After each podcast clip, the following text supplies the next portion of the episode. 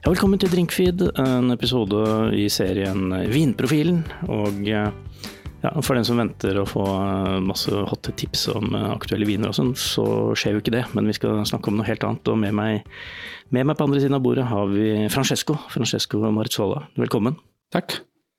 Vi tar unna det grøvste først. Du, du er fra Sicilia? Fra Palermo. Palermo, ja. Og uh, du fortalte tidligere at du egentlig er fra Messina, og så har du virra rundt ut på den øya en stund. Ja, riktig. Og for tolv år siden så, så, kom du til Norge, ja. og så valgte du ikke et trivelig snøfattig sted, du dro til Voss? Ja, eller jeg kom først til eh, Oslo.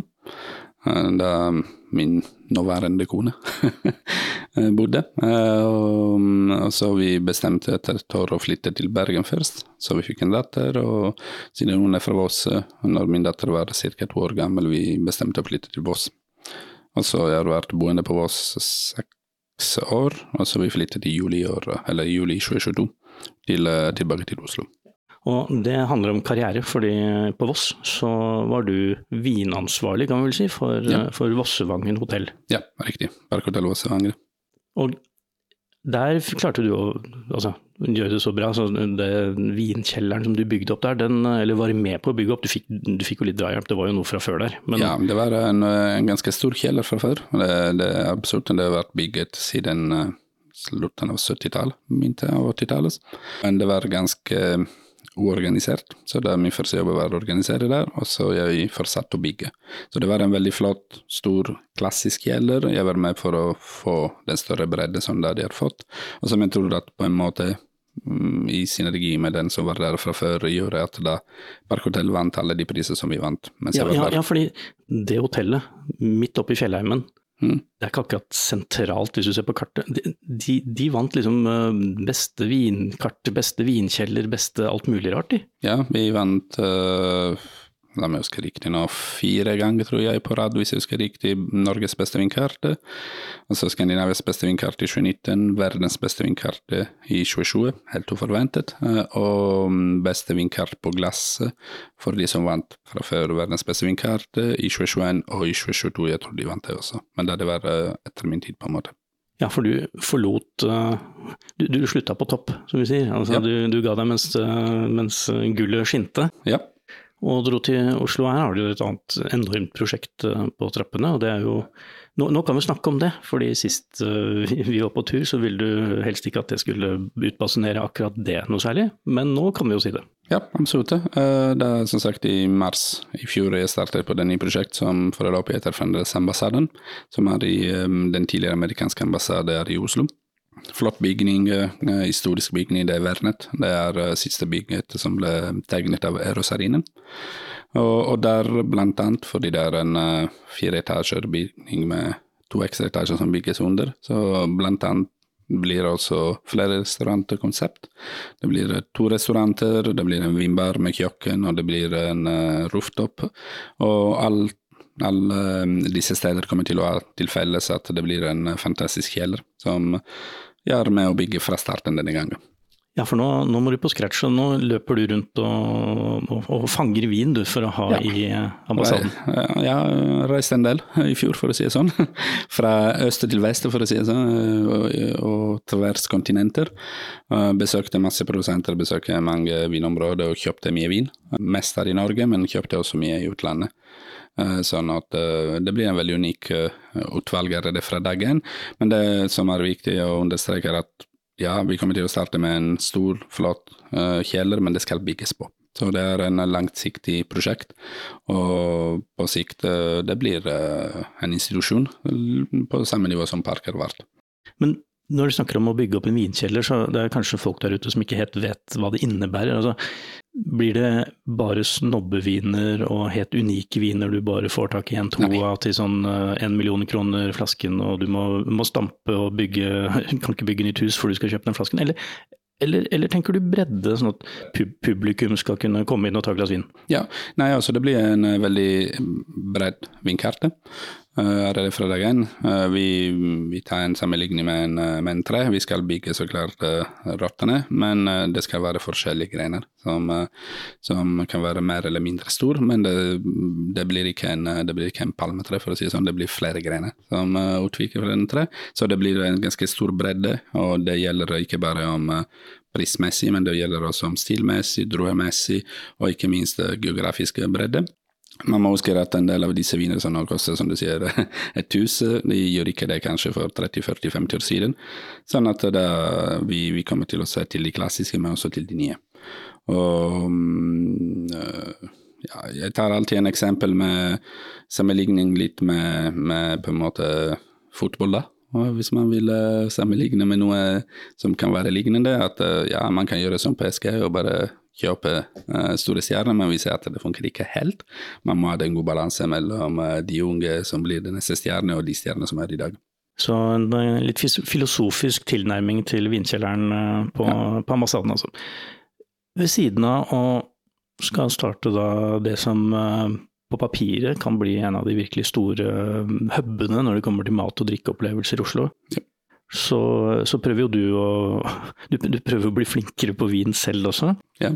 Eh, og for de der ute som husker tilbake til Netflix-serien Som, eh, som gikk for noen år siden, så mm. du er midt oppi den nå, du skal ta Ja, nå er jeg i midten av den serien. ja, og, og, dette er litt kult, fordi dette handler ikke om Eh, Master Wine, som vi har hatt en del eh, Vi har jo hatt besøk av en del eh, med Master Wine. Dette er den amerikanske kopien, kanskje, eller den amerikanske altså, avarten av, av den, hvor, hvor, hvor det, er, det, det, går ut på det samme, men du får en annen tittel.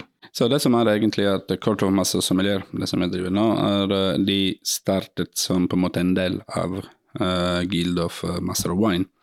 Og så de splittet i 70-tallet. Opprinnelig Court of Master Sommelier skulle stå på en måte for den uh, praktiske og mer restaurantaktige del av Institute of Master Wine. Og så de ble som sagt splittet i 70-tallet, sånn at da, da på en måte de løper uh, parallell. Master Wine uh, er uh, en mer kanskje akademisk tilnærming, og har fokusert mest på blindsmaking og mest på den akademiske del og den kanskje business-delen, mens Master Sommelier er mer fokusert Det er også veldig akademisk, ikke det, men det er også mer fokusert mot på en måte restaurantdrift, for å si det sånn. Så de fleste Master Sommelier er de som driver driver de beste vindprogrammene i verden. Uh, når det er f.eks. Han som driver Eleven Manson Park i New York, har masse sommelier osv. Eller de store grupper i London har ofte drevet vinprogram av masse sommelier og sånn. Og uh, det har blitt på en måte kjent gjennom som, men egentlig masse sommelier finnes tre forskjellige på en måte Uh, avdelinger. Det er alle kort og masse sommelier, men det er avdeling USA, eller avdeling Amerikas, altså Europa, og så det er Asia og Oceania. Og disse tre samarbeider. De er alle samme på en måte mål, men det kan være litt forskjellig i formen av uh, uh, eksamen, eller mer enn innhold av eksamen, men hvordan man kommer til eksamen. Hvor lang tid tar det? Altså, du må jo begynne et sted, så du har jo hatt sånne ja. type grunnplattformer hele veien. Altså, det er jo målet da å bli Master, som mastersommelier. Målet er å bli den første mastersommelier i Norge. Og det er uh, en fire trinn uh, utdannelse. Så du starter med de første to nivåene, som er introduction certified. og De kan man ta på en måte en etter hverandre på samme uh, eksamen. Og um, da jeg tok min i 2019 Nei, februar 2018, beklager. Februar 2018. Og så du melder deg inn i din interesse for advanced sommelier, som er neste steg, og, og da det foregår at det er en venteliste. Sånn at du, du melder deg inn, og så ut ifra når du har meldt deg inn, du blir kalt inn. Vanligvis det tar mellom et og et halvt og to år. Så du blir kalt inn til advanced sommelier-eksamen, og så du tar advanced sommelier. Da jeg tok min i november 2019, så det tok et og et halvt år cirka. Og så jeg skulle hatt min massesommelier, fordi da igjen du må melde deg inn din interesse, at du vil bli en massesommelierkandidat, og, og du blir kalt inn og blir invitert til å sitte på eksamen. Og jeg skulle ha blitt invitert rundt 2021. Det er uh, altså en gang i året som man som har eksamen her uh, i Europa, som er i oktober for ny kandidat, og så det er en tidlig i august for de som har bestått. Men det kommer jeg tilbake til. Av covid og sånn, jeg ble invitert da i oktober 2022.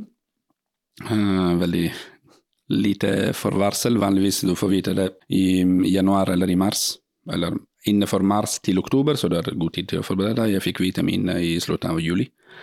Så det var litt forvarsel, men uh, jeg tenkte jeg får prøve å se hvordan det går, og gi en, en et shot. Og så da i oktober jeg var i London, tok min første massesommeliereksamen. Og mm, massesommeliereksamen er delt i tre deler. Du har den teoretiske del, som foregår muntlig. Så du har tre master foran deg med ja, hundrevis av spørsmål som du må svare til. Og så det er uh, blindsmaking, som foregår også muntlig. Det er seks viner, 25 minutter, som skal analyseres. Og så det er den praktiske delen med også en business-del i den praktiske. Og du kan bestå en eller to av tre deler, eller du kan bestå alle tre hvis du er veldig flink, men det er veldig, for, veldig sjelden det skjer. Du kan bestå en eller to, og så hvis du består, da du har to år til å bestå de andre. Og da kommer inn i bildet den ekstra uh, eksamen som er i august. Så jeg besto praktisk i oktober, og nå i august jeg skal prøve å ta de siste to. Nå vet du hva du skal, og du skal eh, ved siden av å bygge opp uh, Norges største og beste vinkjeller, så skal du også studere da blindsmakinger og teori. Og teori, i det tilfellet, ja. Og da tenker jeg, teori, det er jo en del. Det, det, er jo ganske mye vin og ting om vin der ute. Ja, det er det. Det er veldig stor, og teori faktisk er være litt misfornøyd i oktober, fordi var, eh, vi var 43 kandidater. Det var én som besto, teori, av 43. Og jeg var den nærmeste av de som ikke besto. Så jeg var kanskje en ti-ish spørsmål unna til å bestå òg. Så det var eh, Jeg svarte litt for fort, så nå jeg vet hvordan jeg skal gjøre det i august, for å si det sånn. Men eh, ja, det er veldig, veldig stor. Og det er veldig variert, og det er veldig omfattende, for å si det mildt. Hva betyr det for deg å bli da eventuelt den første som tar den i Norge? Altså, du kan ikke si du er den første norske som gjør det, vel, men eh, den første italieneren som bor i Norge som tar den? Ja, nei, altså det er uh, Egentlig det som betyr mest, er at fordi fra når jeg startet, det startet altså, det var allerede noen som drevet med det før her i Norge, men det var et par som tok certified, og da stoppet de der. Men fra når jeg tok advanced, jeg merker spesielt også uh, på Voss, f.eks. med de to tvillinger, så nå en av de to har også blitt advanced, og den andre tar eksamen i dag, faktisk. Vi har blitt på en måte for en ny generasjon inspirert folk, og, og folk har blitt kjent ok, det finnes også den andre alternativet masse sommelier, eh, til master of wine, jeg mener. Og, og, gjerne hvis du tenker å fortsette å jobbe i restaurant, kanskje det er bedre å gå mot masse sommelier. Sånn at da den, ehm, den på en måte inspirasjonsrolle, jeg at det, det, er det som blir det viktigste. Og også fordi da uh, en gang som jeg blir masse sommelier, da jeg kan også bli involvert mer på de kursene som foregår også her i Norge, i regi av Korto masse sommelier. Altså, du har jobbet uh, en del år på uh, et av de beste hotellene i Norge, og beste restauranter mm. i Norge, og beste vinkjellerne og alt det der sånn, hvor det naturligvis kommer en del både kjente og ukjente personer som, uh, mm. har forskjellige typer innfallsvinkel til, ja. til, vin og sånn. Hva er den mest bisarre opplevelsen du har hatt på, på dette på vin?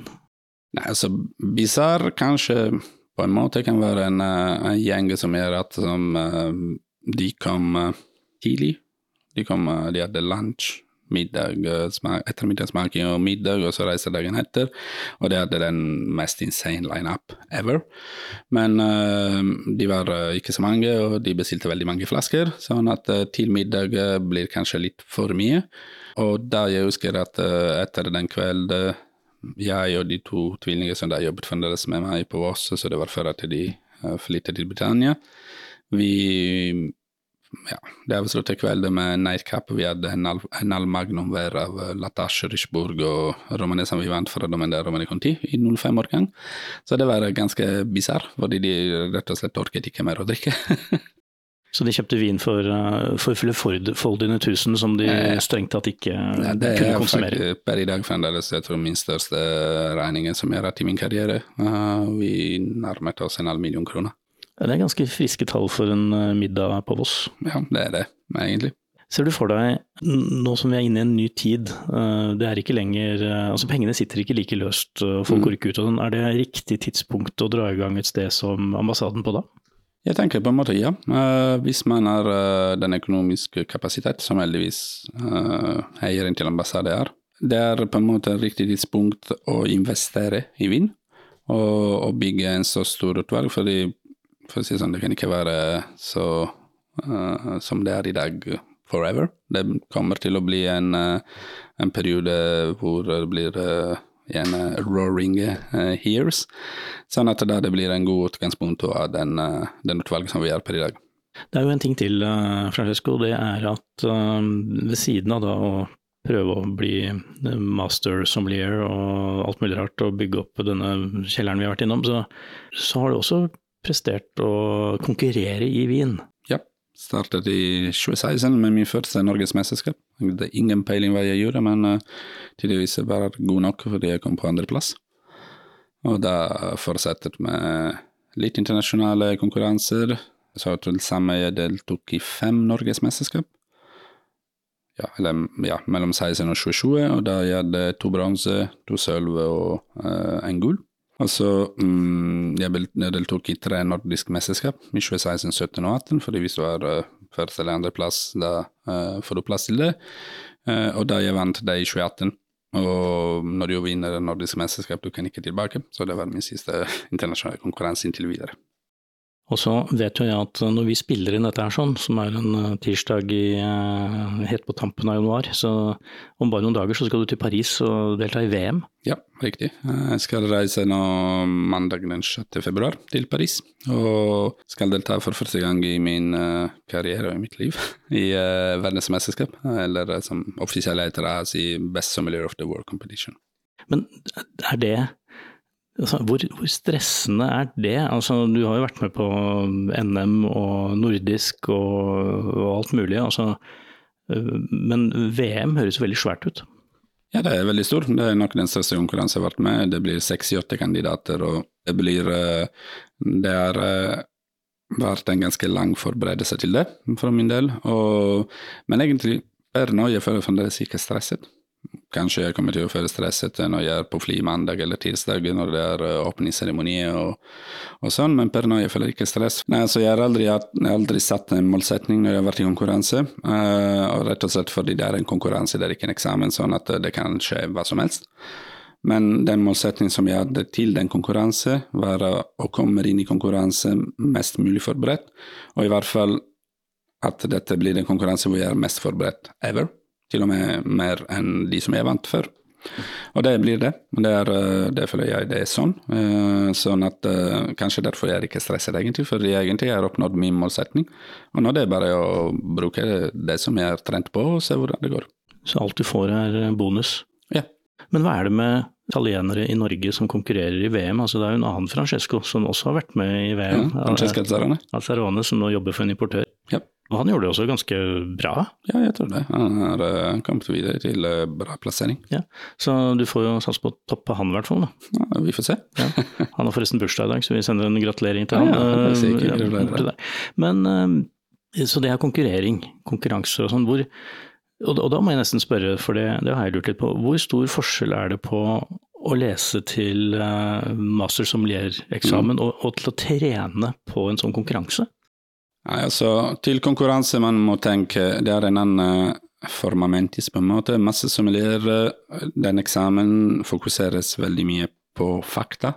For så er veldig mye på appellasjoner, ned til Vimarka, ned til roe, ned til prosent tillatt i den appellasjonen osv. Og, så og det gjør også verdensmesterskap. Men i tillegg til det, verdens, igjen, det er en konkurranse, så det kommer nok til å være også noe mer tricky Eh, spørsmål, eller spørsmål som er fokusert mot uh, historie, verdensmesterskap, tidligere vinner, og, og, litt mer på en måte blandede kategorier. Da. Så det er Men bortsett fra det, jeg tenker så lenge man er solid på de fakta, da burde det gå fint. Og kanskje solid på nesa? Ja, det er også ganske viktig etter hvert. Og solid på den Eh, den skjema som eh, man må bruke på en måte til eh, blindsmaking og sånn. Jeg tenkte å komme tilbake til dette med det prosjektet Ambassaden. Mm. Fordi det er klart når vi snakker om restaurantregninger på en halv million kroner, store, store kjellere, og selv om du beskrev dette treet ditt eller fotballaget, så, så, må jeg tenke på at blir det dyrt? Altså Blir det sånn at vanlige mm, folk egentlig kan, kan ta seg råd til å gå på ambassaden ja, og Det, vi kommer, så, eller, eller prosjekt eller konsept har vært bygget um, av uh, bl.a. Andreas Wistel. Han er involvert i hele konseptambassaden, ikke innholdet av kjellere, men konsept av, av ambassaden. Og, og, sammen med Andreas nå faktisk jobber med også med en prosjekt som internt for Europa, vi kaller det for ambassaden Y Academy. Uh, men uh, vi får se hva det blir den offisielle navnet. Men det som er poenget, er at eller bygningambassaden, eh, når Rosalinen eh, tegnet det. Det var en eh, hylle til amerikansk kultur. Det var et åpent hus. Det, var, det hadde ikke den gjerdet som det har vært de siste årene. Det var ikke noe kamera, det var ikke noe politi. Det var åpen, man kunne komme inn, gå til bibliotek, låne amerikanske bøker, gå til auditorium, se amerikanske filmer. Det var alt åpen. Og så det kom terrorangrep først i 70-tallet, og så i 90-tallet, og så i 2001, og da det ble den slått på en måte som det ble. Så litt av poenget nå er at den bygningen skal åpnes igjen, og da uh, siden så klart blir ikke nødvendigvis fokus kanskje så mye på amerikansk kultur, men det som blir fokus på, og i hvert fall i forhold til uh, restaurant og, og, den på en måte mat og vin-prosjekt, blir vin. Og En eksempel er at jeg ble ansatt fra i fjor til å bygge en kjeller, og vi har fremdeles ikke en kjøkkensjef for vår restaurant. Vanligvis er motsatt i restaurantverdenen. Så um, vi kommer til å ha ekstremt stor fokus på vin, på vinaktiviteter, og det betyr ikke at vi kommer til å ha bare domener og en tid på besøk, for å si det sånn. Det blir en veldig, veldig stor uh, Det blir en, som du riktig kalte det før, en hub, og det blir en knutepunkt hvor folk møtes en møtepunkt for å heve uh, vinkulturer i Norge, rett og slett. Så det blir, eh, du kan love at det blir en eh, lokal eh, restaurant, og ikke bare for de som må fly opp fra Sveits fordi de har flyttet alle pengene sine dit. For å si det sånn, Hovedrestaurant som, kategori, som type restaurant blir en brasseri. Så vi kommer til å ha det veldig gøy. Du hva, jeg gleder, jeg gleder meg til akkurat det. Eh, da, vet du hva, da tenker jeg vi, vi skal runde av. Du har, du har, ting å drive med. Du skal ut og lese til både sommeliereksamener og VM-er og alt mulig mm. rart. Du har helt sikkert noen flasker du skal ha kjøpt nå. Så tusen takk for at du ville stille opp, Francesco. Det var kjempehyggelig. Veldig hyggelig. Veldig hyggelig å være her.